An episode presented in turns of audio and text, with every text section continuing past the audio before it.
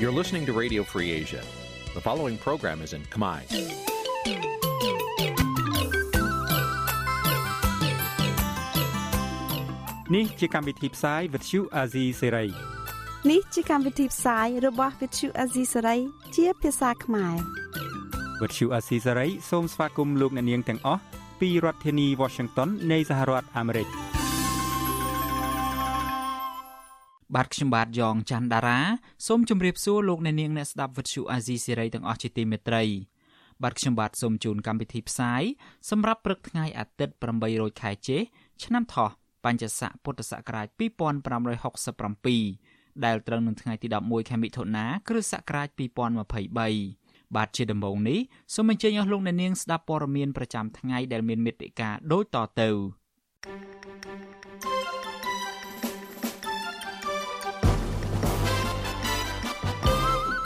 លោកហ៊ុនសែនបង្កើតវប្បធម៌អញជួយឯងឯងជួយអញជាមួយពួកអុកញ៉ាពន្ធនាគារខេត្តកោះកុងនិងបន្ទាយទាហានមួយនៅខេត្តកំពង់ស្ពឺត្រូវគេរកឃើញថាមានលាក់ទុកឈើខុសច្បាប់កម្មកររោងចក្រនៅតែអះអាងថាពួកគាត់ត្រូវបានគេបង្ខំឲ្យទៅស្ដាប់លោកហ៊ុនសែនកុមារនិងស្ត្រី គឺជាអ្នករងគ្រោះជាងគេ ពីផលប៉ះពាល់ចេញពីធម្មជាតិប្រែប្រួលនៅទន្លេសេសាន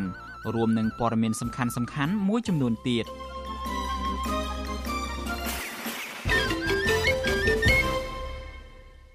បាទជាបន្តទៅទៀតនេះខ្ញុំបាទយ៉ងច័ន្ទដារាសូមជូនព័ត៌មានទាំងនេះពិស្ដាសកម្មជនបរិស្ថានជំរុញឲ្យអាជ្ញាធរស៊ើបអង្កេតដើម្បីស្វែងរកការពិត ករណីលាក់ទុកនឹងការឆ្នៃឈើនៅក្នុងពន្ធនាគារខេត្តកោះកុងនិងនៅក្នុងមូលដ្ឋាននៃបញ្ជាការដ្ឋានយុទ្ធភូមិភាគទី3នៅខេត្តកំពង់ស្ពឺ។បាត់ការអំពាវនាវបែបនេះកើតមានឡើងក្រោយពីព័ត៌មានស៊ើបអង្កេតម៉ុងហ្កាបេបានចុះផ្សាយនាពេលថ្មីថ្មីនេះពីការរកឃើញទីតាំងស្ថាប័នរដ្ឋចំនួន2នេះត្រូវបានគេប្រើប្រាស់ជាកន្លែងផ្ទុកនិងកែច្នៃឈើខុសច្បាប់ដែលកាប់ចេញពីដែនជម្រកសត្វព្រៃភ្នំក្រវាញ បាទសូមលោកអ្នកនាងស្ដាប់សេចក្តីរាយការណ៍ព័ត៌មាននេះរបស់លោកជាតិចំណានដូចតទៅសកម្មជនការពារបរិស្ថាននិងធនធានធម្មជាតិចាត់ទុករបាយការណ៍ស៊ើបអង្កេតរបស់សារព័ត៌មានម៉ុងកាបេ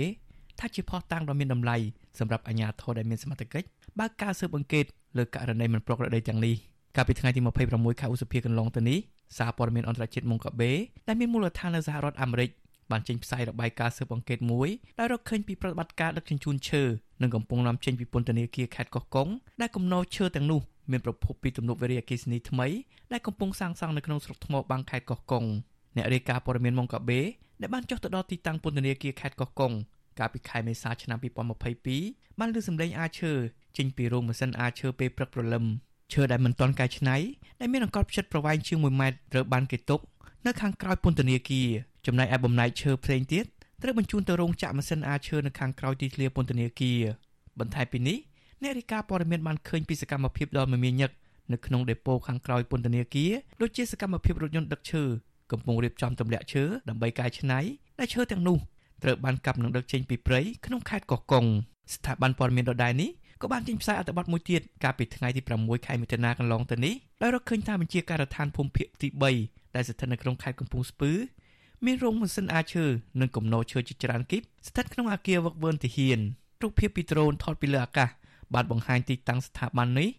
ត្រូវបានប្រើប្រាស់ជាកន្លែងផ្ទុកឈើខុសច្បាប់ហើយអ្នកស្រុកនៅជុំវិញនោះថាមានឡានដឹកឈើចេញចូលបញ្ជាការដ្ឋានយោធាភូមិភាគទី3ទាំងយប់ទាំងថ្ងៃ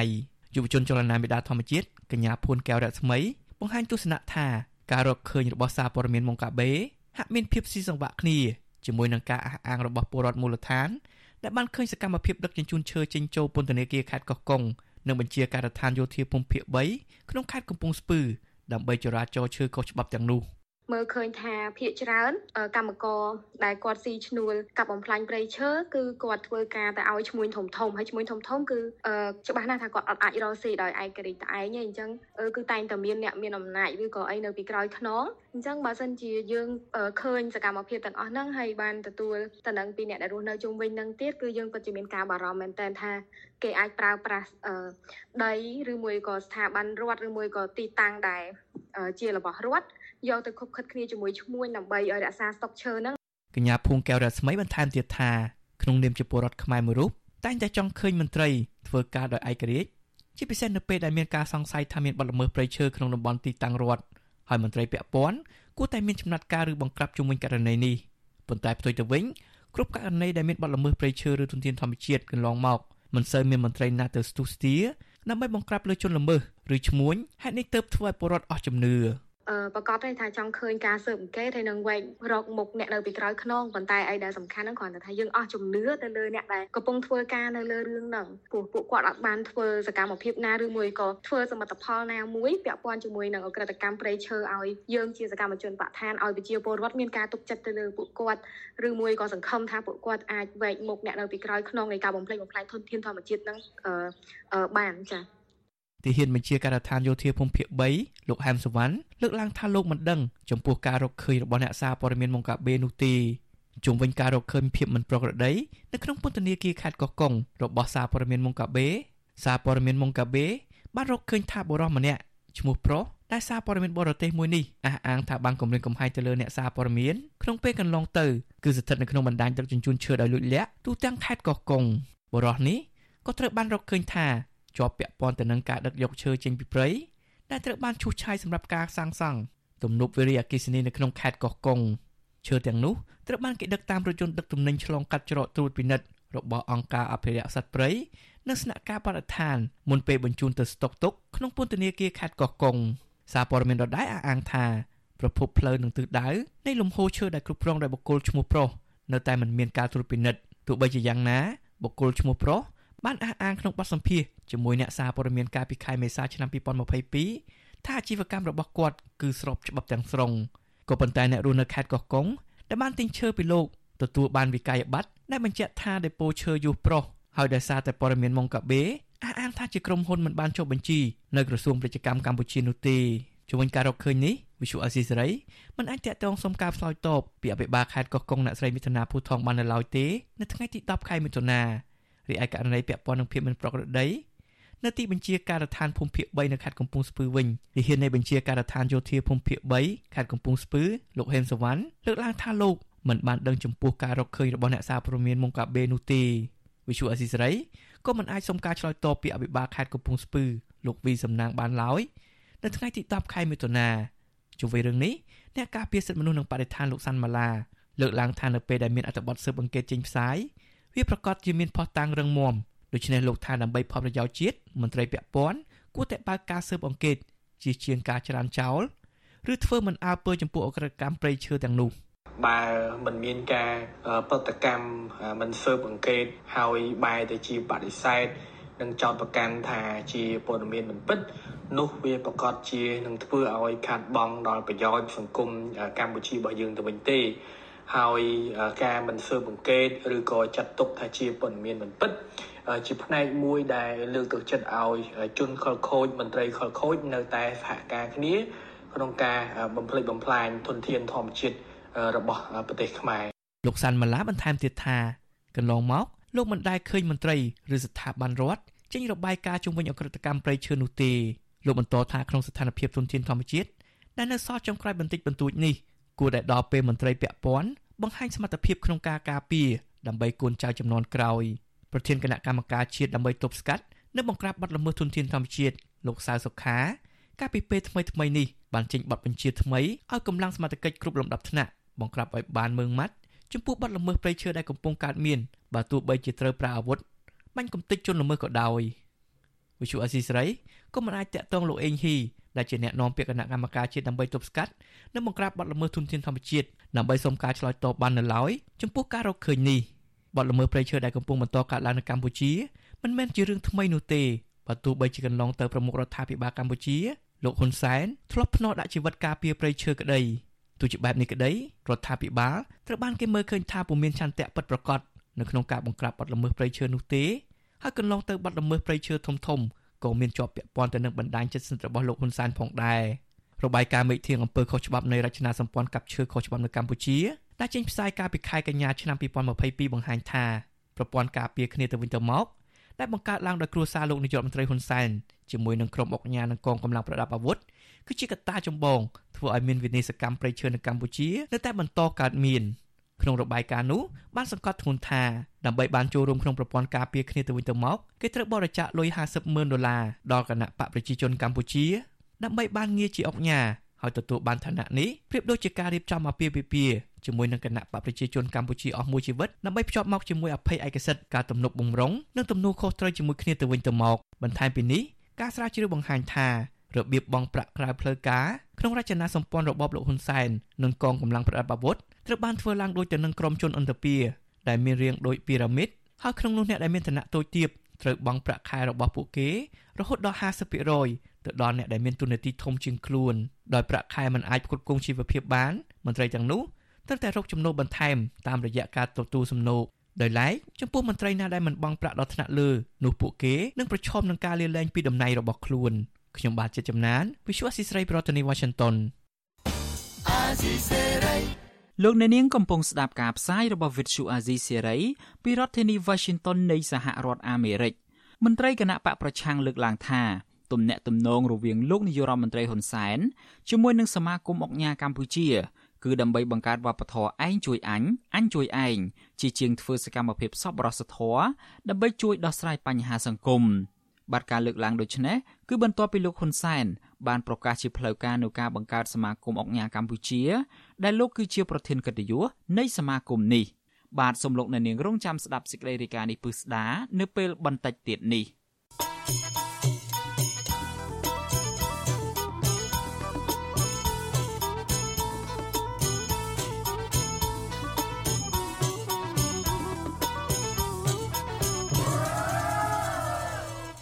បាទលោកអ្នកនាងជាទីមេត្រីតកតងទៅនឹងសារគម្រាមកំហែងរបស់លោកនាយករដ្ឋមន្ត្រីហ៊ុនសែនឯនេះវិញ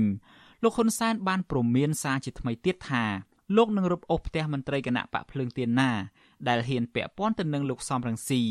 ចំណែកឯមន្ត្រីគណៈបកប្រឆាំងវិញពួកគេលើកឡើងថាលោកហ៊ុនសែនគឺជាមេដឹកនាំអសមត្ថភាពទើបប្រើអំណាចផ្ដាច់ការធ្វើបាបមន្ត្រីគណៈបកប្រឆាំងបែបនេះបាទលោកយុនសាមៀនរាយការណ៍រឿងនេះជូនលោកអ្នកនាង។ ស្របពេលនិន្នាការនៃការរឹបអូសផ្ទះពីអ្នកដែលទិញផ្ទះបងរំលោះកំពុងកើនឡើងលោកហ៊ុនសែនបន្តស្នើឲ្យម្ចាស់បរិយាទាំងអស់យោគយល់ចំពោះពលរដ្ឋដែលយឺតយ៉ាវក្នុងការបង់ប្រាក់តាមកិច្ចសន្យាកំណត់ និងរៀបចំអនុទានឡើងវិញ លើកលែងតែសមាជិកគណៈបកប្រឆាំងលោកហ៊ុនសែននៅថ្ងៃនេះប្រកាសលើកទឹកចិត្តឲ្យម្ចាស់បរិយា រឹបអូសយកផ្ទះសម្បែងពីក្រមគណៈបកប្រឆាំងណា ដែលលោកចោទថាធ្វើនយោបាយពាក់ព័ន្ធនឹងលោកសំរងស៊ីដោយមានចេតនាញុះញង់មិនបង់ប្រាក់ទៅម្ចាស់បរិយបញ្ជាក់ជាសារនយោបាយជាលះបើអ្នកនឹងគឺជាពួកប្រឆាំងមិនប្រមបងសូមលើកទឹកចិត្តឲ្យរឹតក្រោយទៅដើម្បីឲ្យវាជាប់ឆាប់រឿងឆាប់រឿងកុំឲ្យ ព្រោះចេះពួកក្រុមនេះប្រកែក្រុមយុយងហើយតែក្រុមយុយងគឺរឹបវាទៅកុំទុកអីនិយាយចឹងថាលោកហ៊ុនសែនប្រកាន់រើសអើងមិនមែនរើសអើងទេដោយសារលោកឯងដាក់ចេញនយោបាយខុសលោកហ៊ុនសែនក៏ធ្លាប់ប្រមានជាច្រើនលើកអំឡុងពេលការរាតត្បាតជំងឺ Covid-19 កាលពីឆ្នាំ2020ដោយលោកលើកទឹកចិត្តឲ្យធនាគារនិងគ្រឹះស្ថានមីក្រូហិរញ្ញវត្ថុរឹបអូសផ្ទះសម្បែងនិងដីធ្លីពីពលរដ្ឋមិនសមអំណុល ដើម្បីឲ្យអ្នកទាំងនោះគ្មានកន្លែងជ្រកកោនហាលភ្លៀងហាលថ្ងៃប្រសិនបើពួកគេធ្វើតាមការឃោសនារបស់គណៈបកសង្គ្រោះជាតិដែលបានអំពាវនាវឲ្យផ្អាកសងបំណុលទាំងការទាំងដើមលោកហ៊ុនសែនកាលពីថ្ងៃទី9មិថុនាក៏គម្រាមធ្វើទុកបុកម្នេញសកម្មជនគណៈបកប្រឆាំងណាដែលហ៊ានតាក់ទងនឹងលោកសំរងស៊ីប៉ុន្តែលោកនឹងលើកលែងទោសឲ្យមន្ត្រីគណៈបកប្រឆាំងដែលផ្ដាច់ខ្លួនពីលោកសំរងស៊ី លោកហ៊ុនសែនបញ្ចេញកំហឹងដាក់លោកសំរងស៊ីពេលនេះដោយសារតែលោកហ៊ុនសែនអះអាងថាលោកសំរងស៊ីធ្វើឲ្យលោកខឹងហើយកាលពីពេលថ្មីថ្មីនេះលោកសំរងស៊ីបានប្រកាសនឹងប្រើប្រាស់ទឹកដីថៃ ដើម្បីដឹកនាំពលករខ្មែរចូលស្រុកវិញជុំវិញការប្រមានរបស់លោកហ៊ុនសែននេះមន្ត្រីជាន់ខ្ពស់គណៈបកសង្គ្រោះជាតិលោកម៉ែនសថាវរិនថ្លែងថាលោកហ៊ុនសែនកំពុងភ័យខ្លាចនឹងវត្តមានលោកសំរងស៊ីនឹងវិលចូលស្រុកវិញ ដែលអាចរារាំងដល់ផែនការផ្ទេរអំណាចតពូជរបស់លោកហ៊ុនសែនដែលបានរៀបចំទុកជាយូរឆ្នាំមកហើយនោះលោកចាត់ទុកយុទ្ធសាស្ត្ររឹបអូសអចលនទ្រព្យរបស់មន្ត្រីគណៈបកប្រឆាំងនឹងធ្វើឲ្យសហគមន៍អន្តរជាតិនិងប្រជាពលរដ្ឋមើលឃើញកាន់តែច្បាស់ពីភាពកំសាករបស់លោកហ៊ុនសែនគឺ ជាសារយោបាយដ៏កំសាកមួយហើយមានន័យថាចំទៅគឺគាត់ទាល់ច្រឡំមែនតើហើយយើងមើលទៅប្រទេសណាដោយប្រទេសប្រជាធិបតេយ្យគឺមិនដែលធ្វើអញ្ចឹងទេប្រគូប្រកួតរវាងសំស៊ីនិងហ៊ុនសែនគឺជាប្រគួតតាមលទ្ធិប្រជាធិបតេយ្យអញ្ចឹងបើបើដោយសារគាត់ខ្លាចសំស៊ីខ្លាំងគាត់គាត់ធ្វើគ្រប់បែបយ៉ាងទាំងអស់ជុំវិញរឿងនេះអ្នកឃ្លាំមើលសង្គមនិងអ្នកនយោបាយមើលឃើញថា នៅពេលដែលអត្តពលគណៈបកប្រឆាំងកាន់តែធំឡើងនោះ គណៈបកកណ្ដាលអំណាចតែងតែប្រើប្រាស់ច្បាប់ធ្វើជាអាវុធដើម្បីបង្ក្រាបអ្នករិះគន់ជាក់ស្ដែងតុលាការដែលស្ថិតក្រោមអធិបតេយ្យរបស់លោកហ៊ុនសែនបានលក់ឡៃឡុងផ្ទះរបស់លោកសំរងស៊ីដើម្បីយកលុយឲ្យលោកហ៊ុនសែននិងមន្ត្រីក្រាក់ក្រាក់របស់គណៈបកកណ្ដាលអំណាចចុងក្រោយនេះតុលាការបានរឹបអូសដីនិងផ្ទះអនុប្រធានគណៈបកភ្លើងទៀនលោកសុនឆៃដាក់លក់ដើម្បីសងជំងឺចិត្តដល់គណៈបកប្រជាជនកម្ពុជារបស់លោកហ៊ុនសែន និងគណៈកម្មាធិការជាតិរៀបចំការបោះឆ្នោតពីបទបរិហាគេជាសាធារណៈប្រមាណ1លានដុល្លារលោកហ៊ុនសែនក៏បានរឹបអូសផ្ទះរបស់លោកគង់គួមមន្ត្រីជាន់ខ្ពស់គណៈបកភ្លើងទៀនដែរអ្នកខ្លាំមើលបញ្ហានយោបាយថាលោកហ៊ុនសែនកំពុងបង្កើតសត្រូវជាហូរហែហើយថ្ងៃណាមួយពេលលោកហ៊ុនសែនអស់អំណាច លោកនឹងប្រឈមនឹងគ្រោះថ្នាក់បាត់ដីបាត់ផ្ទះវិញដោយពាក្យខ្មែរពោលថា ទឹកឡើងត្រីស៊ីស្រមោច ទឹកហោចស្រមោចស៊ីត្រីខ្ញុំយុនសាមៀនវិទ្យុអាស៊ីសេរីប្រធានាទី Washington លោកអ្នកនាងកញ្ញាជាទីមេត្រីវិទ្យុអាស៊ីសេរីសូមជូនដំណឹងថាយើងគ្មានអ្នកយកព័ត៌មានប្រចាំនៅប្រទេសកម្ពុជាទេប្រសិនបើមានជនណាម្នាក់ អះអាងថាជាអ្នកយកព័ត៌មានឲ្យវិទ្យុអាស៊ីសេរីនៅកម្ពុជានោះគឺជាការក្លែងបន្លំយកឈ្មោះអាស៊ីសេរីទៅប្រើនៅក្នុងគោលបំណងទុច្ចរិតណាមួយរបស់បុគ្គលនោះតែប៉ុណ្ណោះបាទសូមអរគុណ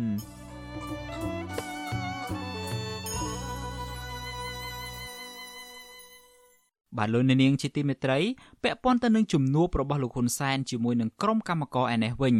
កម្មករមួយចំនួនអះអាងថាពួកគាត់ទទួលរងការគៀបសង្កត់ពីមេការ និងថៅកែរោងចក្រដើម្បីឲ្យទៅស្ដាប់លោកហ៊ុនសែនឃោសនាបើទោះបីជាមេដឹកនាំបកកណ្ដាលអំណាចរូបនេះប្រកាសថាលោកមិនគាំទ្រឲ្យមានសកម្មភាពបង្ខិតបង្ខំបែបនេះក៏ដោយកម្មកររោងចក្រមួយចំនួនលើកឡើងថាការបដិសេធរបស់លោកនាយរដ្ឋមន្ត្រីហ៊ុនសែនរឿងថៅកែរោងចក្រដាក់សម្ពាធឲ្យកម្មករចូលរួមពិធីសំណេះសំណាលរបស់លោកនោះគឺគ្រាន់តែជាការលាងជម្រះភាពអាម៉ាស់របស់លោកប៉ុណ្ណោះកម្មការនីមួយរូបសុំមិនបញ្ចេញឈ្មោះដោយសារបារម្ភពីការងារ ប្រាប់វិទ្យុអាស៊ីសេរីនៅថ្ងៃទី10ខែមិថុនាថាលោកស្រីត្រូវបានថៅកែបង្ខំឲ្យទៅទទួលលោកហ៊ុនសែនជាថ្នូវទៅនឹងប្រាក់អត្ថប្រយោជន៍20ដុល្លារនិងទទួលបានប្រាក់20000រៀលពីលោកហ៊ុនសែនលោកស្រីចាត់ទុកការលើកឡើងរបស់លោកហ៊ុនសែននេះគឺគ្រាន់តែជាការលួងចិត្តដើម្បីឃោសនារកការគ្រប់គ្រងពីកម្មករនៅមុនការបោះឆ្នោតលោកស្រីលើកឡើងថាជាទូទៅមុនពេលទៅជួបលោកហ៊ុនសែនថ្នាក់ដឹកនាំរោងចក្របានរៀបចំរួចជាស្រេចទៅហើយ ដូចជាចំពោះកម្មករធម្មតាត្រូវទៅអង្គុយនៅកៅអីខាងក្រោយ ចំណែកឯមេការ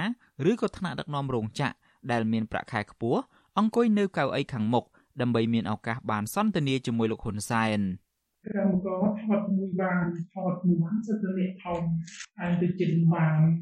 លោកនាយរដ្ឋមន្ត្រីហ៊ុនសែនទំនងជាមានភាពអាម៉ាស់បន្ទាប់ពីទទួលរងការរិះគន់ករណីគៀកោឲ្យកម្មករទៅស្ដាប់លោកនិយាយទើបបានជាលោកប្រតិកម្ម វែកមុខរកជនណា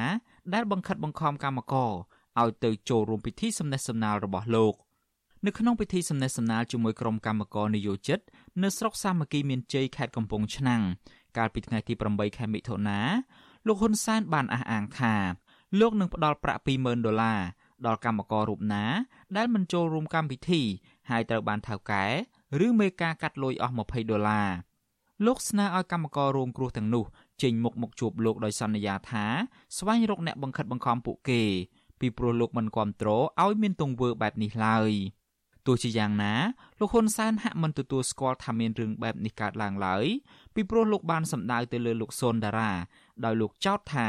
អ្នកអត្ថាធិប្បាយបញ្ហានយោបាយនៅលើបណ្ដាញសង្គម Facebook រូបនេះផ្សព្វផ្សាយព័ត៌មានមិនពិត ឥឡូវអ្នកណាដែលគេកាត់ប្រាក់ខែដែលមិនបានមកដែលគេកាត់ប្រាក់ខែនោះមកបានក៏មកទៅមកមិនបានទេក៏ហីទៅអានោះវាមិនដែលម៉ែអាណាឥឡូវឯងស្បត់ឲ្យត្រូវក្របឯងស្បត់ឲ្យផ្ទះបាញ់ឯងស្បត់ឲ្យងាប់តៃហោងឯងស្បត់វាកើតអញ្ចឹងទេឯងបញ្ចេញឈ្មោះមកហើយអំពាវនាវកម្មករណាដែលគេកាត់ប្រាក់ដែលមិនបានមកជួបពូហើយមកគេកាត់ប្រាក់ចេញមកមកពូនឹងសង1ជា10ឬសុំចេះណែបាត់បង់20ដុល្លារខ្ញុំឲ្យណែឯង20000ដុល្លារ បើទោះបីជាលោកហ៊ុនសែនអះអាងបែបនេះក្តីក៏ក្រុមកម្មករមួយចំនួន នៅតែអះអាងថាមេការនិងថៅកែរោងចក្ររបស់ពួកគេ នៅតែបង្ខំឲ្យពួកគេទៅទទួលលោកហ៊ុនសែនដដែល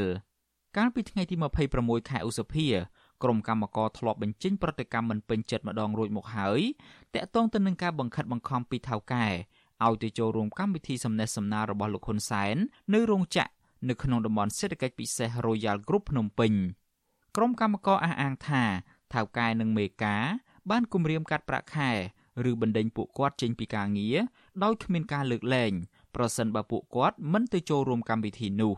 ក្រុមកម្មករឲ្យដឹងទៀតថាពួកគាត់ខ្លះត្រូវបង្ខំចិត្តទៅទាំងអត់ងងុយដោយសារធ្វើការវេនយប់និងខ្លះទៅដើម្បីដោះដូរទៅនឹងការមិនកាត់ប្រាក់ខែជាដើមអង្គុយនៅក្នុងរោងដែលបិទផ្លាកអគុណសន្តិភាពកម្មករទាំងអស់ត្រូវបានគេតម្រូវឲ្យបរិភោគអាហារ និងបន្ទោបង់ឲ្យរួចរាល់មុនពេលជួបលោកហ៊ុនសែនដើម្បីជៀសវាងដើរទៅដើរមកនៅក្នុងកម្មវិធី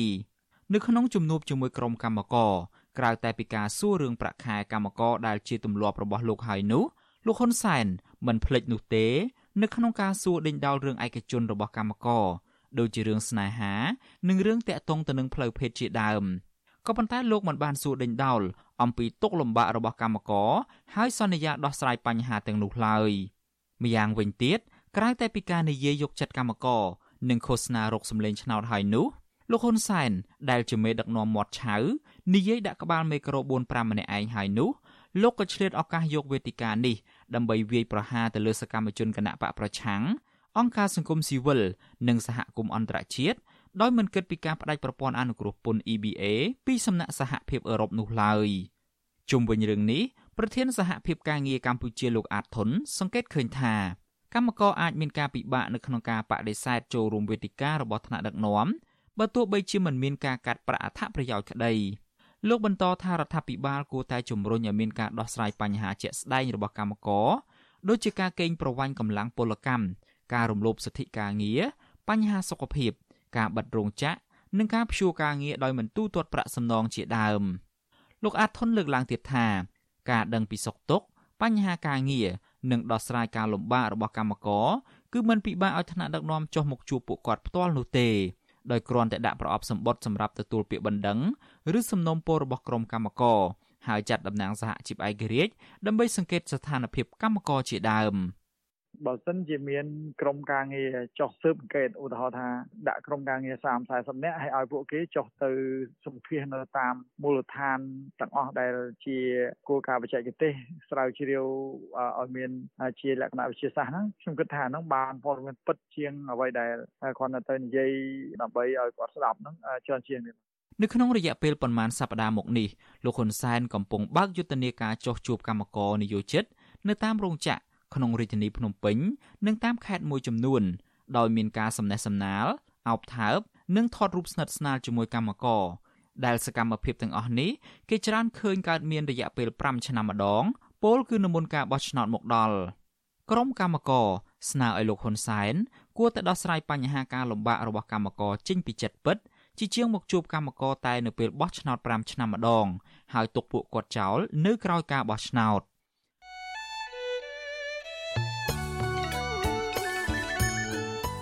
លោកអ្នកនាងជាទីមេត្រីវិទ្យុអាស៊ីសេរីចាប់ផ្ដើមដំណើរការផ្សាយផ្ទាល់កម្មវិធីព័ត៌មានទាំងពេលព្រឹកនិងពេលយប់ជាផ្លូវការនៅលើបណ្ដាញសង្គមថ្មីមួយទៀតគឺបណ្ដាញសង្គម Telegram ចាប់ពីខែមេសាឆ្នាំ2023នេះតទៅលោកអ្នកនាងអាចស្វែងរក Telegram ផ្លូវការរបស់វិទ្យុអាស៊ីសេរីដោយស្វែងរកពាក្យថាវិទ្យុអាស៊ីសេរីឬក៏ RFA ខ្មែរនៅលើទូរស័ព្ទដៃរបស់លោកអ្នកនាង។ បាទ Telegram ផ្លូវការរបស់ Vithu Azizi Serai មានសញ្ញា Tick ជាសញ្ញាសម្គាល់បាទក្រុមការងាររបស់ Vithu Azizi Serai នឹងព្យាយាមរិះរកមធ្យោបាយថ្មីថ្មីបន្ថែមទៀតដើម្បីផ្ដល់ភាពងាយស្រួលដល់លោកអ្នកនាងកញ្ញានៅក្នុងការស្ដាប់ និងទស្សនាការផ្សាយព័ត៌មានរបស់យើង បាទសូមអរគុណ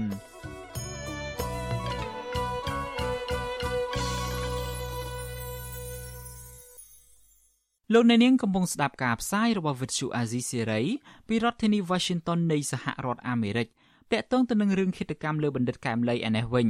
អ្នកវិភាគនយោបាយអះអាងថាលោកហ៊ុនសែនគឺជាអ្នកកេងចំណេញពីឃាតកម្មទៅលើលោកបណ្ឌិតកែមលីពីព្រោះលោកបណ្ឌិតកែមលី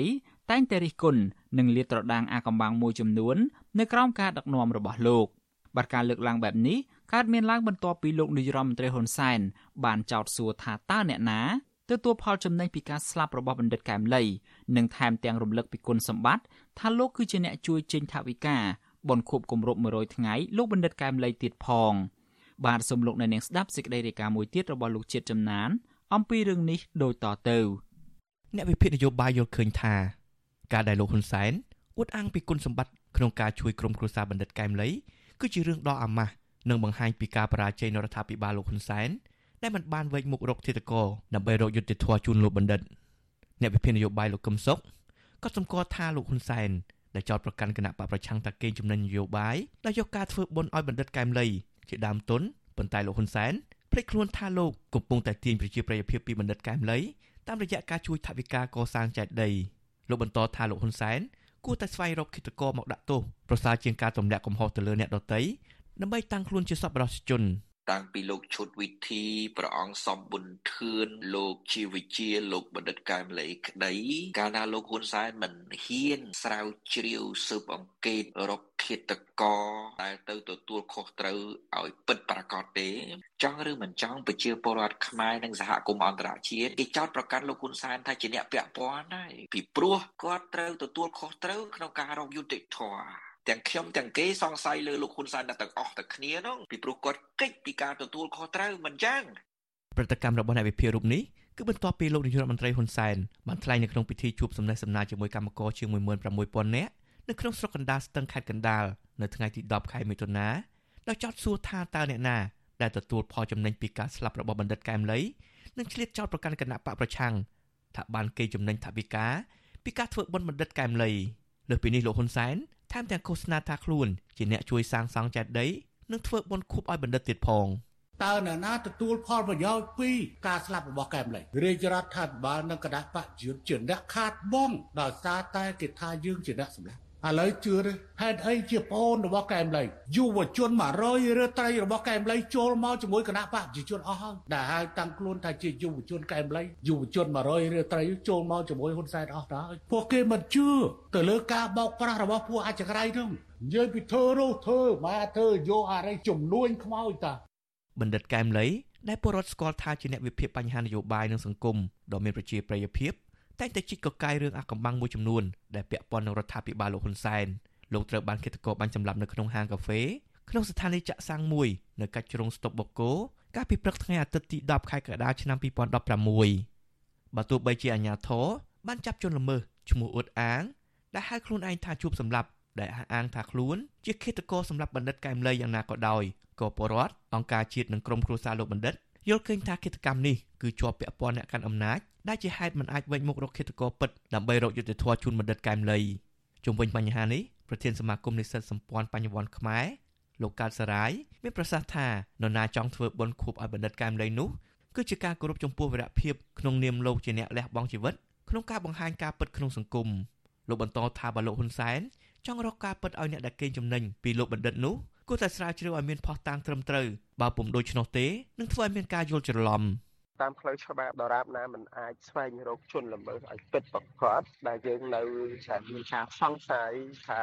ការដែលការសម្លាប់លោកបណ្ឌិតកាមលីនេះវាមិនមែនជាបទល្មើសចម្ពាក់លុយអីនោះទេព្រោះតែយើងឃើញកន្លងមកហើយជួបសម្លាប់ដែលចោទថាលោកបណ្ឌិតចម្ពាក់លុយដែលយើងមើលសមាសភាពជួបសម្លាប់ហ្នឹងមិនសមជាមនុស្សដែលមានលុយឲ្យលោកបណ្ឌិតខ្ចីនោះទេហើយមកថាដោយសារតែបញ្ហាចម្ពាក់លុយនេះយើងមិនដែលជឿមិនដែលគិតថាដោយសាររឿងបែបនោះមានការសម្លាប់លោកបណ្ឌិតទេលោកកើតសរាយបន្ថែមថានៅថ្ងៃទី10ខែកក្កដាខាងមុខនេះលោកនឹងក្រុមយុវជនសង្គមក្រុមនឹងធ្វើបន់ខួបលើកទី7ឆ្នាំជូនបណ្ឌិតកែមលីដើម្បីជាការគោរពនិងដឹងគុណចំពោះវីរបុរសស្នេហាជាតិកាលពីពេលថ្មីថ្មីនេះប្រធានស្ដីទីគណៈបកសង្គ្រោះជាតិលោកសំរងស៊ី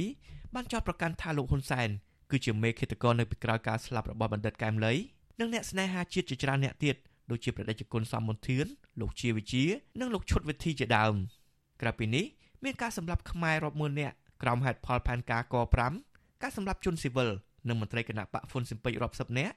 ក្នុងអំពើរដ្ឋប្រហារដណ្ដើមអំណាចរបស់លោកអ៊ុនសានកាលពីឆ្នាំ1997លើសពីនេះទៀតការបោកគ្រាប់បែកលើវងបាតកោនៅមុខរដ្ឋសភាចាស់កាលពីឆ្នាំ1997ការបាញ់សម្លាប់កម្មកររោងចក្រនៅផ្លូវវែងស្រេងហើយករណីទាំងនេះត្រូវបានគេចោទប្រកាន់ថាមានជាប់ពាក់ព័ន្ធនឹងរដ្ឋអំណាចរបស់លោកហ៊ុនសែនដែលពុំមានការស៊ើបអង្កេតនិងការកាត់ទោសណាមួយត្រឹមត្រូវនៅឡើយទេ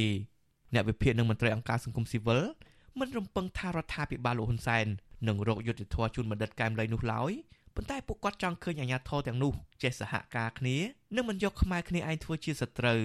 ខ្ញុំបានចិត្តចំណាន Visual Assisray ពីរដ្ឋធានី Washington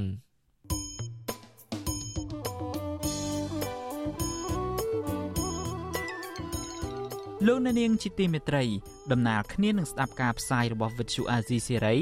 នៅតាមបណ្ដាញសង្គម Facebook YouTube និង Telegram លោកអ្នកនាងក៏អាចស្ដាប់ការផ្សាយរបស់យើង តាម Vuthu រលក ធាតុអាកាសខ្លីបានដែរគឺតាមកម្រិតនិងកម្ពស់ដូចតទៅនេះពេលព្រឹកចាប់ពីម៉ោង5កន្លះដល់ម៉ោង6កន្លះតាមរយៈប៉ុស SW 12.14 MHz ស្មើនឹងកម្ពស់ 25m និងប៉ុស SW 13.71 MHz ស្មើនឹងកម្ពស់ 22m ពេលយប់ចាប់ពីម៉ោង7កន្លះដល់ម៉ោង8កន្លះ តាមរយៈប៉ុស SW 9.33 MHz ស្មើនឹងកម្ពស់ 32m ប៉ុស SW 11.88 MHz ស្មើនឹងកម្ពស់ 25m និងប៉ុស SW 12.14 MHz ស្មើនឹងកម្ពស់ 25m បាទសូមអរគុណ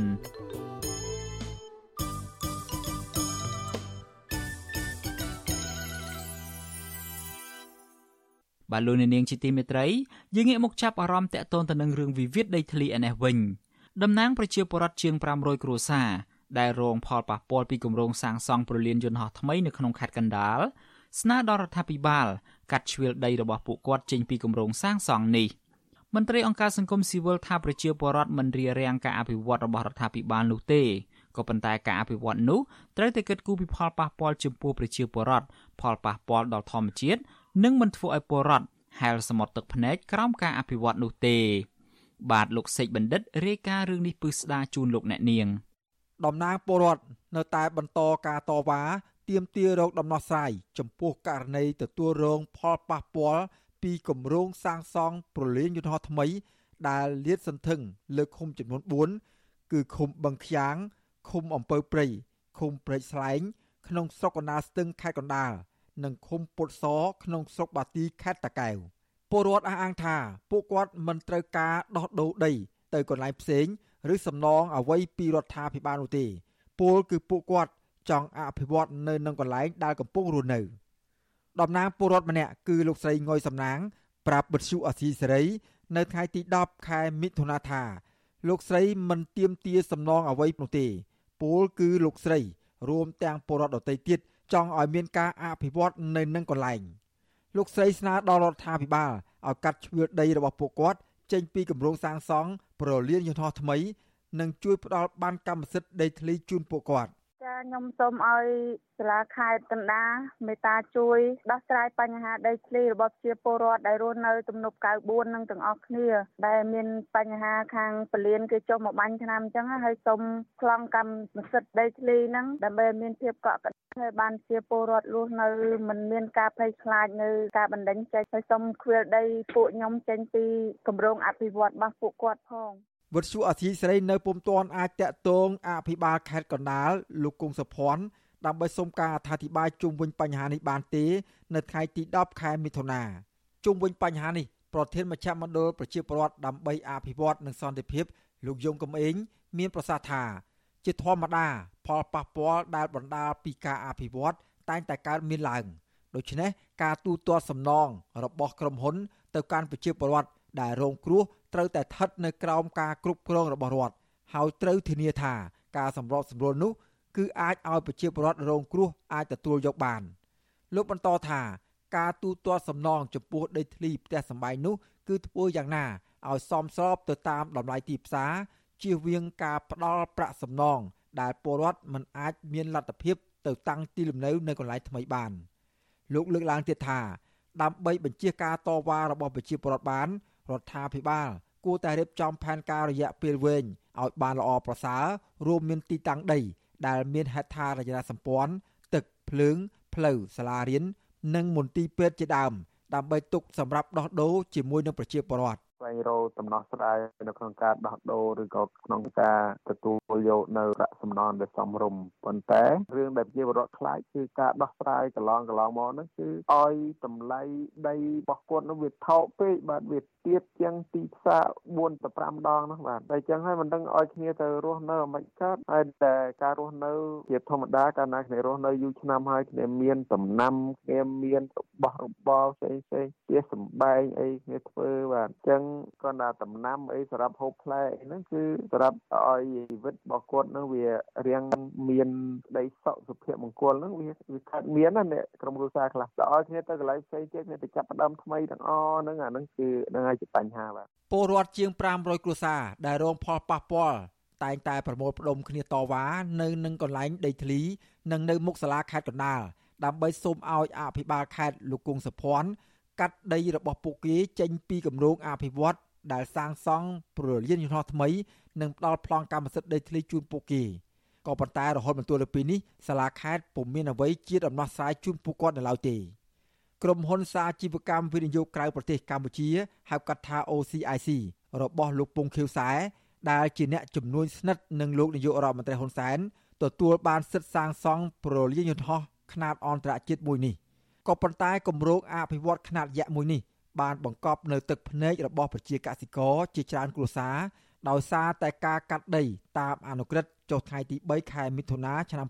2020របស់រដ្ឋាភិបាល ក្នុងទំហំប្រហែលជិត3000ហិកតានោះជន់លើដីរបស់ប្រជាពលរដ្ឋប្រជាពលរដ្ឋអះអាងថាប្រសិនបើអាជ្ញាធរនៅតែគ្មានដំណោះស្រាយសមរម្យទេ ពួកគាត់នឹងបន្តការតវ៉ាទៅក្រសួងពាក់ព័ន្ធផ្សេងផ្សេងទៀត ខ្ញុំបាទសេកបណ្ឌិតវុទ្ធុអាស៊ីសេរីពីរដ្ឋធានីវ៉ាស៊ីនតោន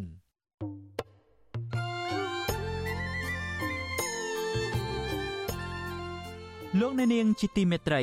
នៅក្នុងឱកាសនេះដែរខ្ញុំបាទសូមថ្លែងអំណរគុណដល់លោកអ្នកនាងកញ្ញាទាំងអស់ដែលតែងតែមានភក្ដីភាពចំពោះការផ្សាយរបស់យើងហើយចាត់ទុកការស្ដាប់វិទ្យុអាស៊ីសេរីគឺជាផ្នែកមួយនៃសកម្មភាពប្រចាំថ្ងៃរបស់លោកអ្នកនាង គឺការគ្រប់គ្រងរបស់លោកអ្នកនាងនេះហើយដែលធ្វើឲ្យយើងខ្ញុំមានទឹកចិត្តកាន់តែខ្លាំងក្លាថែមទៀតនៅក្នុងការស្វែងរកនិងផ្តល់ព័ត៌មានជូនលោកអ្នកនាងមានអ្នកស្ដាប់អ្នកទស្សនាកាន់តែច្រើនកាន់តែធ្វើឲ្យយើងខ្ញុំមានភាពស្វាហាប់មោះមុតជាបន្តទៅទៀតយើងខ្ញុំសូមអរគុណទុកជាមុនហើយសូមអញ្ជើញលោកអ្នកនាងកញ្ញាទាំងអស់ចូលរួមជំរុញឲ្យសកម្មភាពផ្តល់ព័ត៌មានយើងនេះកាន់តែជោគជ័យបន្ថែមទៀតលោកអ្នកនាងអាចជួយយើងខ្ញុំបានដោយគ្រាន់តែចុចចែករំលែកឬមួយក៏ Share ការផ្សាយរបស់យើង នៅលើបណ្ដាញសង្គម Facebook និង YouTube ទៅកាន់មិត្តភ័ក្តិដើម្បីឲ្យការផ្សាយរបស់យើងបានទៅដល់មនុស្សកាន់តែច្រើន បាទសូមអរគុណ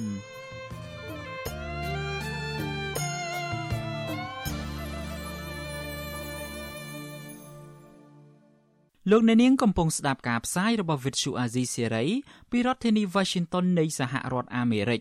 មន្ត្រីគណៈបកប្រឆាំងលើកឡើងថា ទំនាក់ទំនងរវាងលោកនាយករដ្ឋមន្ត្រីហ៊ុនសែនជាមួយនឹងសមាគមអង្គការកម្ពុជា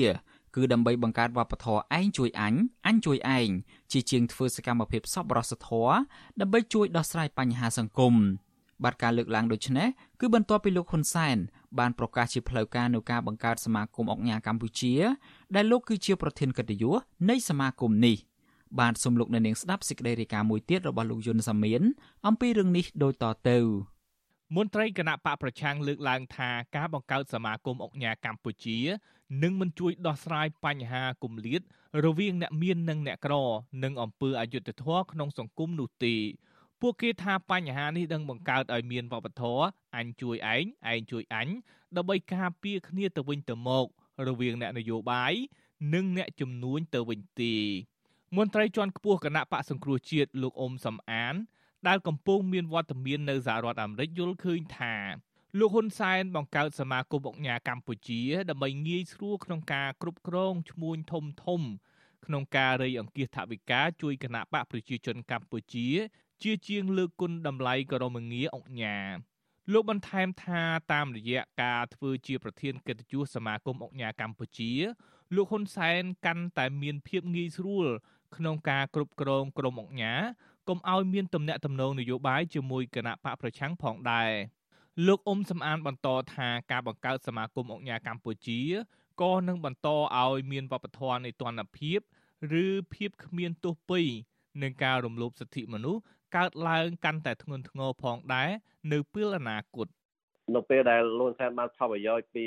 អ្នកអង្គញាលោកសែនក៏ផ្ដល់ផលប្រយោជន៍ទៅឲ្យអង្គញាទៅនឹងទៅវិញដែរទោះបីមានការប្តឹងផ្ដាល់ពីប្រជាពលរដ្ឋពីការរពុះយកដីធ្លីរបស់គាត់ពីអង្គញានេះអង្គញានោះឬក៏ការរកស៊ីបោកប្រាស់ឬក៏បំផ្លាញទុនធានធម្មជាតិហើយហ្នឹងក៏លោកសែនក៏មានចាត់វិធានការទៅលើអង្គញាទាំងអស់ហ្នឹងដែរហើយតុលាការក៏មានចាត់វិធានការទៅលើអង្គញាមួយចំនួនហ្នឹងដែរដូចជាអង្គញាថោងសារ៉ាត់អីជាដើមពាក់ព័ន្ធទៅនឹងការ សម្លាប់មនុស្សក៏ប៉ុន្តែត្រូវបានតឡាការផ្សេងលេហ្នឹងដោះលែងនៅក្រៅភូមិអញ្ចឹងទៅញ៉ាគិតធៀងអញ្ចឹងទៅពាក់ព័ន្ធនឹងគ្រឿងញៀនតឡាការដោះលែងអញ្ចឹងទៅឲ្យជាប់គុកជាប់គុកនៅតែពេទ្យរុស្ស៊ីការលើកឡើងដូចនេះធ្វើឡើងបន្ទាប់ពីលោកនាយករដ្ឋមន្ត្រីហ៊ុនសែនប្រកាសជាផ្លូវការនៅសមាគមអង្គការកម្ពុជាកាលពីថ្ងៃទី10ខែមិថុនានៅរាជធានីភ្នំពេញ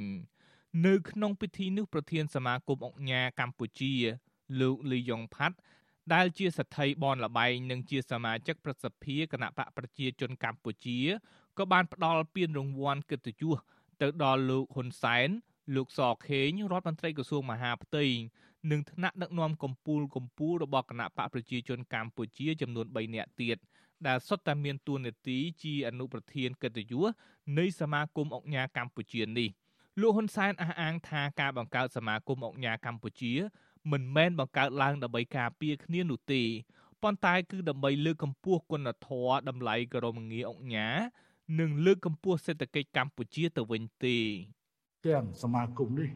និងបណ្ដាអង្គញាទាំងអស់ត្រូវតែគោរពប្រណិប័តតាមច្បាប់ និងលិខិតបទកថាគតិយុត្តនានានៃបរិជាណាចក្រកម្ពុជាជាធរមានដើម្បីធានាបញ្ជាបាននៅបាតុភិបអសកម្ម និងរូបភាពឆ្កំឆ្គងដោយប្រការណាមួយ ដែលបង្កនៅភាពថ្នាំងថ្នាក់ពីសំណាក់ប្រជាពលរដ្ឋទោះបីជាលោកហ៊ុនសែនលើកឡើងដូចនេះក្តីកាលពីពេលថ្មីថ្មីកន្លងទៅអង្គការល្បីល្បីជាច្រើនអ្នកដែលទទួលបានសិទ្ធិការអភិវឌ្ឍពីរដ្ឋាភិបាលតែងតែរំលោភសិទ្ធិប្រជាពលរដ្ឋនៅតាមមូលដ្ឋានប៉ុន្តែអាជ្ញាធរមិនដែលមានវិធានការច្បាប់ទៅលើក្រុមអង្គការនោះឡើយជាក់ស្ដែងប្រធានសមាគមអង្គការកម្ពុជាលោកលីយ៉ុងផាត់ផ្ទាល់តែម្ដង ដែលមានកេរ្តិ៍ឈ្មោះអាស្រូវពីការផលិតស្ករអំពៅឈាម ដោយបានប្រើប្រាស់កម្លាំងយោធាបាញ់ទៅលើប្រជាពលរដ្ឋដែលតវ៉ាពីការរំលោភដីធ្លីក្រៅពីនេះរបាយការណ៍អ ுக ្រិតកម្មឆ្លងដែនអន្តរជាតិចេញកាលពីឆ្នាំ2022រកឃើញថា គ្រួសារត្រកូលហ៊ុនក៏បានបង្កើតប្រព័ន្ធជួយគ្នាទៅវិញទៅមកជាមួយក្រុមអង្គការដែលរកស៊ីឈើខុសច្បាប់បំផ្លាញព្រៃឈើនៅកម្ពុជាផងដែរ ដោយឡែកក្រុមអង្គការថ្មីថ្មីដូចជាតារាចម្រៀងលោកព្រាបសវັດជាដើមក៏ទទួលបានដីសម្បត្តិលុបបឹងតាមុកដើម្បីសាងសង់បរិយាលក់ដោយមិនខ្វល់ខ្វាយពីផលប៉ះពាល់ទឹកលិចទីក្រុងភ្នំពេញនិងក្រុមប្រជាពលរដ្ឋដែលកំពុងរស់នៅតំបន់តាមុកនោះទេជុំវិញរឿងនេះអ្នកស្រាវជ្រាវដើម្បីការអភិវឌ្ឍសង្គមបណ្ឌិតសេងសារីលើកឡើងថាប្រជាពលរដ្ឋនៅក្នុងពេលបច្ចុប្បន្នមើលឃើញអ្នកទទួលបានក្រមងារអង្គការក្នុងផ្លូវអវិជ្ជមាន ច្រើនជាងវិជ្ជមានព្រោះអង្គការភិកច្រើន មិនមែនជាបុគ្គលដែលពលីជីវិតដើម្បីជាតិឬលះបង់ទ្រព្យសម្បត្តិដើម្បីជួយប្រជាពលរដ្ឋក្រីក្រនោះឡើយលោកថាពួកគេជាអភិជនដែលរកស៊ីខុសច្បាប់ និងប្រព្រឹត្តអំពើអបាយមុខដែលធ្វើឲ្យប្រជាពលរដ្ឋខ្លាចរអា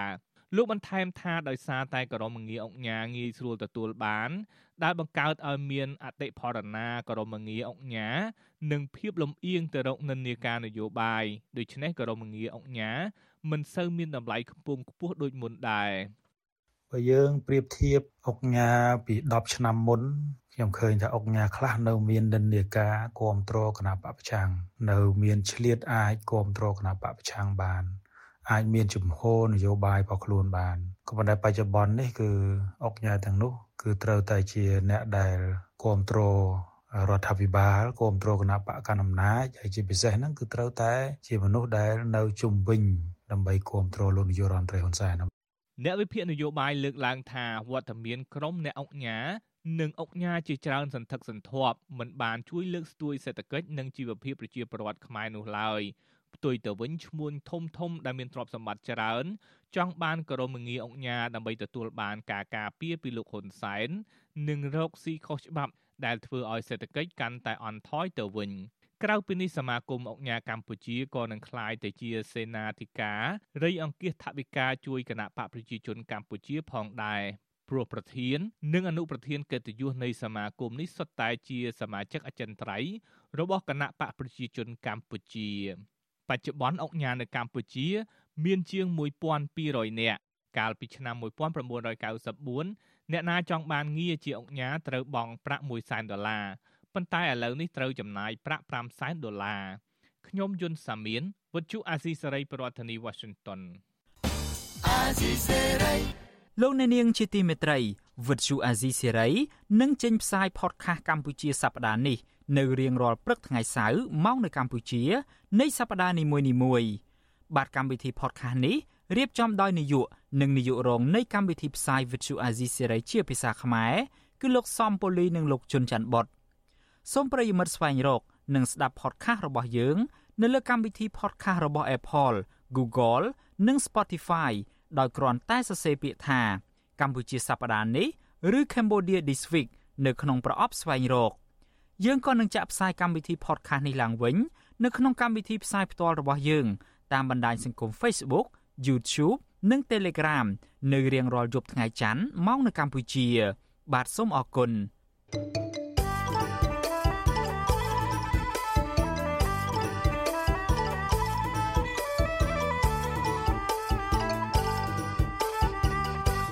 បាទលោកអ្នកនាងជាទីមេត្រីយើងងាកមកចាប់អារម្មណ៍ពាក់ព័ន្ធទៅនឹងបញ្ហាសុខទុក្ខរបស់ប្រជាពលរដ្ឋនៅឯភូមិភាគឦសានឯនេះវិញស្ត្រីនិងកុមារនៅតែជាជនរងគ្រោះជាងគេ ពីការប្រែប្រួលធម្មជាតិនៅទន្លេសេសាន ក្រោមឥទ្ធិពលពីផលប៉ះពាល់នៃទំនប់វារីអគ្គិសនីយ៉ាលី ដែលសាងសង់រួចតាំងពីឆ្នាំ1999បានមកដល់ពេលនេះបើទោះបីជាអាជ្ញាធរអះអាងពីការអភិវឌ្ឍកើតមាននៅគ្រប់កន្លែងនៅក្នុងប្រទេសក៏ដោយ ក៏ប្រជាពលរដ្ឋរស់នៅតាមដងទន្លេសេសាន នៅតែមិនអាចមានទឹកស្អាតប្រើប្រាស់នៅឡើយប្រជាពលរដ្ឋនិងមន្ត្រីអង្គការសង្គមស៊ីវិលទទូចដល់អាជ្ញាធរឲ្យរកមធ្យោបាយផ្ដល់ទឹកស្អាតឲ្យពួកគាត់បានប្រើប្រាស់ជាពិសេសសម្រាប់ផ្គត់ផ្គង់ដល់ស្ត្រី និងកុមារនៅក្នុងមូលដ្ឋាន បាទអ្នកស្រីសុជីវីរាយការណ៍ពិស្ដារអំពីរឿងនេះបើទោះបីជាមានការវាយតម្លៃទុកជាមុនពីផលប៉ះពាល់រួចហើយ ថាទំនប់វារីអគិសនីនៅទំនប់យ៉ាលីនៅក្នុងប្រទេសវៀតណាមនឹងធ្វើទឹកទន្លេសេសាននៅកម្ពុជា ប្រែប្រួលលែងប្រក្រតីតាមធម្មជាតិរីឯពលរដ្ឋនឹងខ្វះខាតទឹកប្រើប្រាស់ក៏ពិតមែនក៏រយៈពេលជាង20ឆ្នាំមកនេះពលរដ្ឋរស់នៅតាមដងទន្លេសេសាន នៅតែមិនទាន់មានទឹកស្អាតប្រើប្រាស់ជំនួសឲ្យទឹកទន្លេបាននៅឡើយអ្នកភូមិបដាល់ឃុំសេសាន ស្រុកអូយ៉ាដាវខេត្តរតនគិរី លោកស្រីសេវធីឲ្យដឹងថា ទឹកទន្លេសេសាននៅតែជាប្រភពទឹកសំខាន់សម្រាប់អ្នករស់នៅតាមដងទន្លេនេះព្រោះពួកគាត់គ្មានជំរើសណាផ្សេងក្រៅពីនេះឡើយលោកស្រីអះអាងថា ទឹកទន្លេនេះម្ដងជន់ខ្លាំងហូរខ្លាំងនាំដីល្បប់ដែលធ្វើឲ្យអ្នកភូមិមិនអាចប្រើប្រាស់ទឹកនោះបាន ហើយពេលខ្លះទៀតក៏ប្រែជារីងខាស់ស្ងួតដល់បាតដីរកទឹកប្រើមិនបានដែរលោកស្រីរៀបរាប់ទៀតថាស្ត្រីនៅក្នុងភូមិជួបការលំបាកនៅពេលស្ថានភាពទឹកប្រែប្រួលខ្លាំងបែបនេះ ដោយខ្វះទឹកស្អាតសម្រាប់ផឹកចម្អិនអាហារសម្អាតខ្លួន និងថែទាំក្មេងតូចៗក្នុងបន្ទប់ខ្ញុំនៅតែប្រើប្រាស់ទឹកទន្លេហ្នឹងអ្នកគ្រូសាស្ត្រអីខ្ញុំវាអត់មានជំរឿដល់អញ្ចឹងទៅការដាំស្លរបស់ខ្ញុំហ្នឹងពិបាកមែនតើដោយសារបូមហើយយកទៅដាក់ធុងចម្រោះយកទៅដាក់ធុងចម្រោះហើយมันយកទឹកនៅមកដាំបាយស្លអញ្ចឹងទៅសម្រាប់ខ្ញុំចង់ថាឲ្យទឹកថាមានថាមានគុណភាព ក្នុងការប្រនិយាយថាចង់បានទឹកស្អាតល្អអញ្ចឹងកុំឲ្យពិបាកក្នុងការប្រើប្រាស់អញ្ចឹងអ្នកគ្រួសារតែកាលណាទឹកមិនស្អាតវានាំផលប៉ះពាល់មកហើយវាតែវាតែវាមានផលប៉ះពាល់វាមានបញ្ហាដល់ក្នុងក្រុមគ្រួសារវាប្រឈមនឹងកត្តាផ្សេងផ្សេងហ្នឹងហើយនឹងជំងឺនឹងកាត់ផ្សេងផ្សេងហ្នឹងហើយទៅលើទឹកមួយហ្នឹងតែទឹកមិនស្អាតនាំមកដូចថាពាក្យស្លោកគេថាទឹកស្អាតនាំមកនៅសុខភាពល្អតែទឹកមិនស្អាតវានាំទៅមេរោគមកហ្នឹងហើយអ្នកគ្រូលោកស្រីសេវធីឲ្យដឹងទៀតថា ភូមិលោកស្រីមានអណ្ដូងស្នាប់តែមួយជាប្រភពទឹកសម្រាប់ផឹកនិងចំអិនម្ហូបអាហាររបស់អ្នកភូមិនៅពេលទឹកទន្លេរីងខាអស់អ្នកភូមិបានងាកទៅប្រើអណ្ដូងតូចតូចជីកដោយដៃពេលគាត់ជីកអណ្ដូងហ្នឹងហើយគាត់មកគ្នាទៅដងទឹកហ្នឹងមកគាត់យកមកហូបមកអីចឹងទៅហើយទឹកគាត់ក៏បានចំអិនបានអីដែរគាត់យកដងមកគាត់ហូបចឹងហ្មង វាជ្រាបមកដូចខ្មែរយើងវិស័យយើងគេថាយកទៅដាក់ធុងចម្រោះទៅជ្រាបអញ្ចឹងដល់ជាជាចេញតិចតិចមកគេដងអញ្ចឹងទៅហើយគេយកមកដាក់កដុងទៅស៊ូយើងនឹងតាមដាក់ឃ្លោកដាក់ទៅស៊ូអញ្ចឹងទៅគេយកមកប្រើនៅផ្ទះសម្រាប់ហូបសម្រាប់អីចឹងទៅដល់ទឹកដូងដល់ខែនេះទឹកដងខ្នោះដងអីវាមានអញ្ចឹងគេដំបាយលាងចានអីងូចទៅអ្នកមានដងក៏គាត់ប្រើផ្ទះអ្នកអត់ក៏គាត់ទៅងូចទលេអញ្ចឹងទៅហើយ ដងខ្ញុំរេងហើយខ្ញុំយកទៅដាក់ទលេដល់ឥឡូវហ្នឹងវារីងទៅក៏ពិបាកតែឥឡូវវាឡើងមានទឹកមកវិញតែវាល្អអញ្ចឹងទៅហើយម៉ងក៏ដាក់អត់បានដែរអ្នកគ្រូតាំងពីទឹកឡើងមកវិញម៉ងក៏យើងដាក់អត់សូវបានអញ្ចឹងទៅនិយាយទៅពិបាកហ្មងខ្វះខាតទឹកប្រើប្រាស់ជាមូលហេតុធ្វើឲ្យអ្នកភូមិជាពិសេសស្ត្រីនិងកុមារមានជំងឺមួយចំនួនភាគច្រើនមានជំងឺស្បែកមានរលាកស្បែកនិងរមាស់ជាដើមអ្នកភូមិបតាំងឃុំសេសានលោកលៀត រៀបរាប់ថាកូនកូនរបស់លោកនិងក្មេងៗជាច្រើន មានបញ្ហារមាស់ស្បែកជាញឹកញាប់ពិសេសនៅពេលទឹកទន្លេឡើងខ្លាំងបន្ទាប់ពីបានរីងខះអស់ជាច្រើនថ្ងៃរួចមកលោកថាស្ត្រីរស់នៅតាមដងទន្លេសេសានក៏មានបញ្ហាសុខភាពដែរប៉ុន្តែពួកគេភ័យច្រើនមិនចេះភាសាខ្មែរដែលមិនអាចឲ្យពួកគេរៀបរាប់ពីការលំបាកប្រាប់អ្នកខាងក្រៅសហគមន៍ឲ្យបានដឹងរឿងរ៉ាវរបស់ពួកគាត់បានទេ តែទោះជាយ៉ាងណា សហគមន៍ចង់បានទឹកស្អាតប្រើប្រាស់ ដែលអាចកាត់បន្ថយជំងឺផ្សេងផ្សេងពួកគាត់មានចាស់ទុំមានអប្រធានសហគមន៍គេដឹកនាំពួកគាត់ដឹកនាំហ្នឹងគឺដើម្បីថាយើងទឹកទឹកទន្លេហ្មងវាដូចថាខ្លាចវាមានជំងឺច្រើនអញ្ចឹងណាអញ្ចឹងបានពួកគាត់គុំណងពួកគាត់ហ្នឹងគាត់ជីកដងមួយដែលដែលថាទឹកស្អាតបាទខួងយកមកពីដីកសិដ្ឋខាងក្រោមបាទហើយអញ្ចឹងយកមកប្រើប្រាស់យកមកហូបបាទ ជាច្រើនពួកគាត់អត់បានដាំទេនៅនឹងយកយកហូបសាសៅរឿងរ៉ាវខ្វះខាតទឹកស្អាតប្រើប្រាស់របស់អ្នកភូមិនៅទន្លេសេសាននេះបានកើតឡើងភ្លាមៗនៅក្រៅពេលសាងសង់ទំនប់វារីអគ្គិសនីយ៉ាលីនៅក្នុងប្រទេសវៀតណាមរួចរាល់កាលពីឆ្នាំ1999ការបិទបើកទំនប់ទឹកមិនទៀងទាត់ធ្វើឲ្យទឹកទន្លេសេសានប្រែប្រួលមិនទៀងទាត់ភ្លាមភ្លាមដែរគឺម្ដងអត់ទឹកម្ដងមានទឹកច្រើនហួសហេតុដែលអាចទៅជាទឹកជំនន់ក៏មាន បន្ថែមពីនេះការនេសាទតាមប្រពៃណីបែបគ្រួសាររបស់អ្នកភូមិក៏ផ្លាស់ប្ដូរដោយសារទន្លេនេះលែងសម្បូរត្រីដូចមុនដែលជាមូលហេតុធ្វើឲ្យស្ត្រីមេផ្ទះផ្លាស់ប្ដូរទៅទិញត្រីរបស់អ្នកផ្សារជំនួសវិញ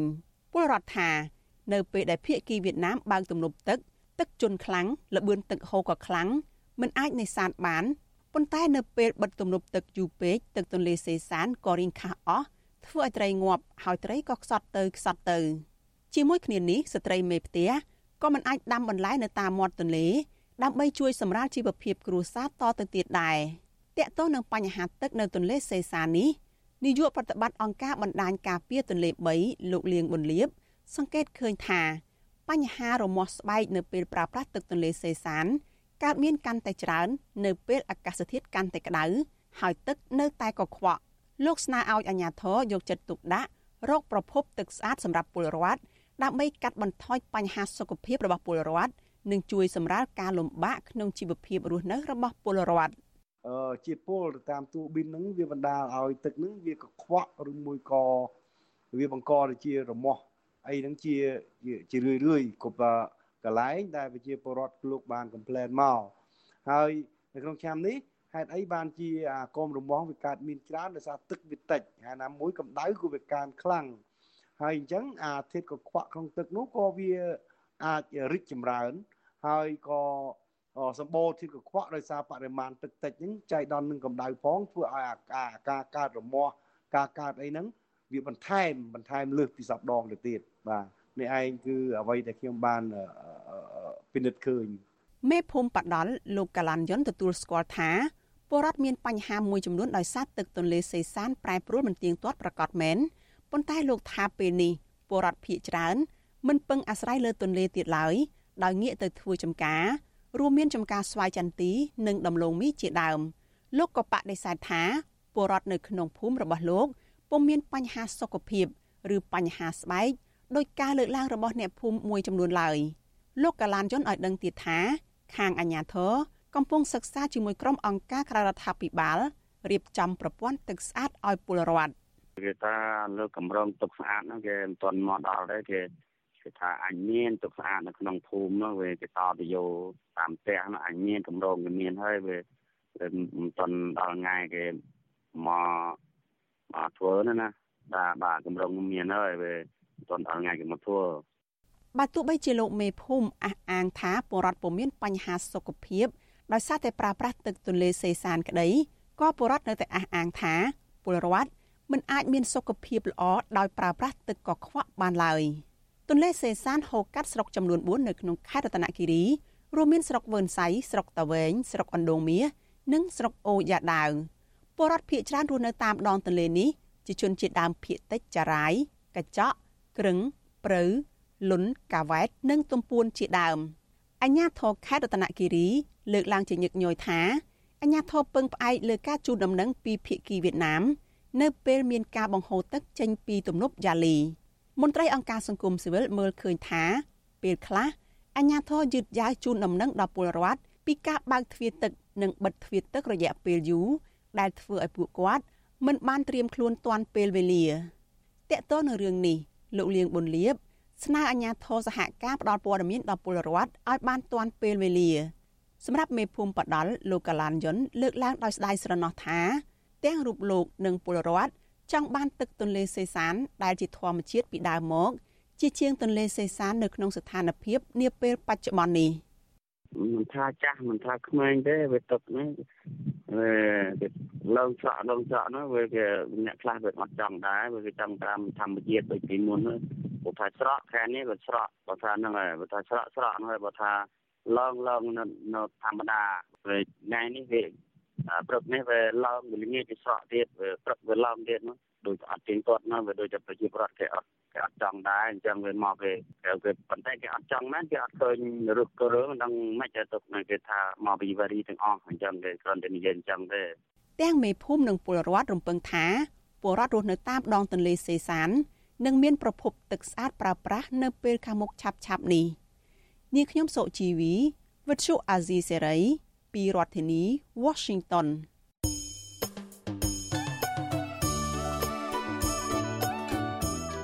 លោកអ្នកនាងជាទីមេត្រីក្រៅពីការតាមដានកម្មវិធីផ្សាយរបស់ Vuthu Azizi Serai នៅតាមបណ្ដាញសង្គម Facebook YouTube និង Telegram លោកអ្នកនាងក៏អាចតាមដានកម្មវិធីផ្សាយរបស់យើងនៅតាមរយៈបណ្ដាញ Instagram បានដែរតាមរយៈតំណ link ដែលមានអាសយដ្ឋាន www.instagram.com/rfa ខ្មែរអាស៊ីសេរីបន្តខិតខំផ្សព្វផ្សាយព័ត៌មានពិតទៅកាន់បងប្អូនតាមរយៈបណ្ដាញសង្គមផ្សេងផ្សេងនិងសម្បូរបែបដើម្បីឲ្យលោកអ្នកនាងងាយស្រួលតាមដានកម្មវិធីផ្សាយរបស់អាស៊ីសេរីគ្រប់ពេលវេលា និងគ្រប់ទីកន្លែងតាមរយៈទូរស័ព្ទរបស់លោកអ្នកនាង បាទសូមអរគុណ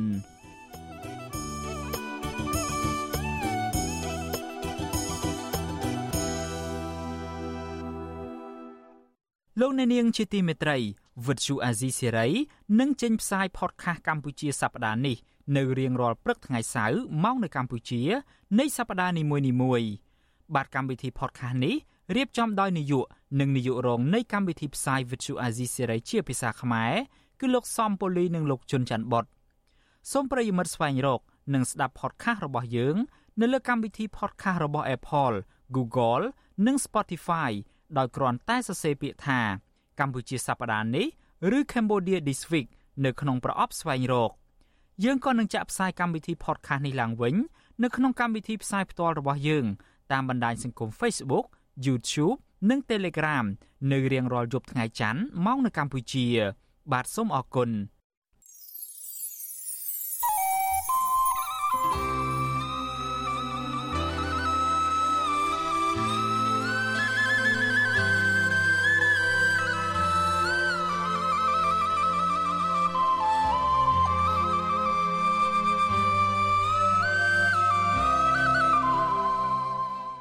លោកអ្នកនាងជាទីមេត្រីការផ្សាយរយៈពេល1ម៉ោងរបស់ Vuthu Azizi Serai នៅព្រឹកនេះចប់ត្រឹមតែប៉ុណ្ណេះយើងខ្ញុំសូមជូនពរដល់លោកអ្នកនាងព្រមទាំងក្រុមគ្រួសារទាំងអស់ឲ្យជួបប្រកបតែនឹងសេចក្តីសុខចម្រើនរុងរឿងកុំបីឃ្លៀងឃ្លាតឡើយខ្ញុំបាទយ៉ងច័ន្ទដារាព្រមទាំងក្រុមការងារទាំងអស់នៃ Vuthu Azizi Serai សូមអរគុណនិងសូមជម្រាបលា